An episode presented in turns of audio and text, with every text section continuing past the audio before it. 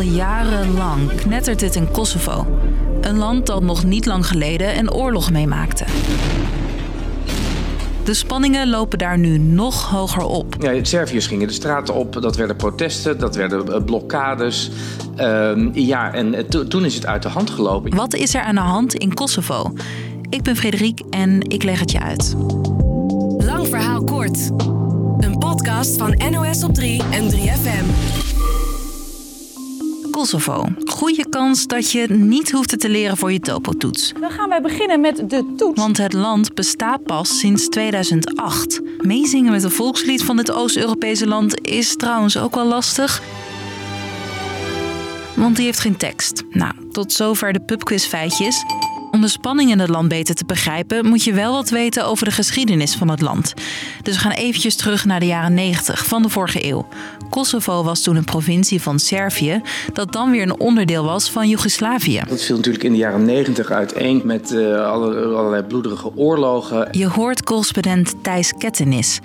De Joegoslavische oorlogen zorgden ervoor dat de kaart van Oost-Europa er rond de eeuwwisseling opeens heel anders uitzag.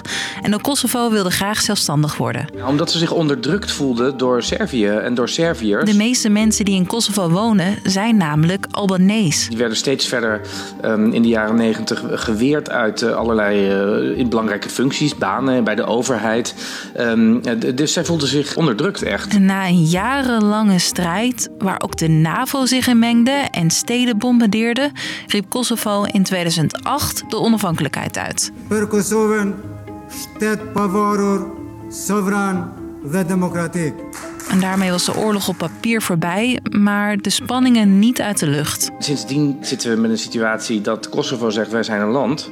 En Servië zegt nee, helemaal niet. Jullie zijn gewoon nog steeds onze provincie. Ja, dat maakt de boel best complex. Ook omdat veel Europese landen Kosovo wel erkennen, maar China en Rusland bijvoorbeeld weer niet. De spanningen in Kosovo lopen nu weer op. En dan vooral in het noorden van het land. Als je daar de grens over gaat vanuit Servië, dan denk je: ben ik nu in een ander land? Want het ziet er net zo uit als Servië qua vlaggen, qua taal. De meeste mensen die daar wonen voelen zich nog steeds het meest verbonden met Servië. En dat leidt vaak tot, uh, tot spanningen, waarbij de, eigenlijk de regering van Kosovo iets wil wat die Serviërs die in het noorden wonen uh, niet willen. En dat zie je dus bijvoorbeeld nu ook bijvoorbeeld met verkiezingen. Bij die verkiezingen kon er worden gestemd op een nieuwe burgemeester, maar... De, de Serviërs deden niet mee aan de verkiezingen, want die zeiden deze, deze verkiezingen die erkennen wij niet. Nog geen 4% van iedereen die mocht stemmen is komen opdagen in een stemhokje. De uitslag? Geen Servische, maar Albanese burgemeester aan de macht in Kosovo. En dat zien veel mensen in het noorden niet zitten. Om te voorkomen dat de Albanese burgemeesters aan het werk kunnen, blokkeerden Serviërs gemeentehuizen. Je kan ons niet dwingen om weg te gaan. We komen terug, zegt deze man.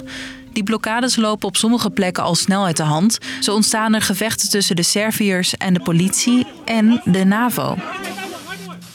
Tientallen mensen raken bij de rellen gewond, waaronder ook NAVO-militairen. Maar wat doet die NAVO in Kosovo?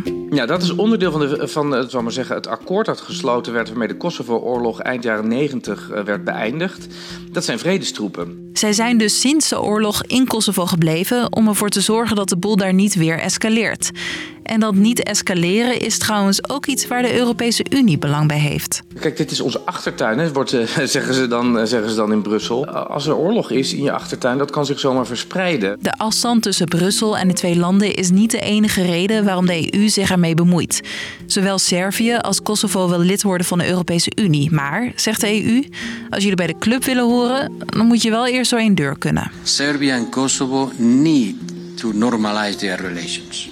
There is no way around it. Om ervoor te zorgen dat de relatie tussen Kosovo en Servië beter wordt, zijn er een hoop nieuwe afspraken gemaakt. Both parties will be bound by the agreement, which will be part of their European Union path. And not fulfilling will come with consequences. Een van die afspraken is bijvoorbeeld dat de Serviërs in het noorden van Kosovo meer te zeggen zouden hebben. Nou, daar komt niks van terecht. De spanning lijkt dus juist weer verder op te lopen. En daarmee lijkt een EU-lidmaatschap voorlopig nog ver weg. Dus, lang verhaal kort. Al jarenlang is de situatie in Kosovo gespannen omdat Servië de onafhankelijkheid van het land niet erkent. Door verkiezingen zijn de spanningen de afgelopen tijd alleen maar meer opgelopen, met rellen als gevolg. Zowel Servië als Kosovo willen graag lid worden van de EU, maar zolang ze het niet met elkaar eens kunnen worden, lijkt het erop dat dat niet gaat gebeuren. Was de podcast weer voor vandaag. Morgen staat er weer een nieuwe voor je klaar. Joe!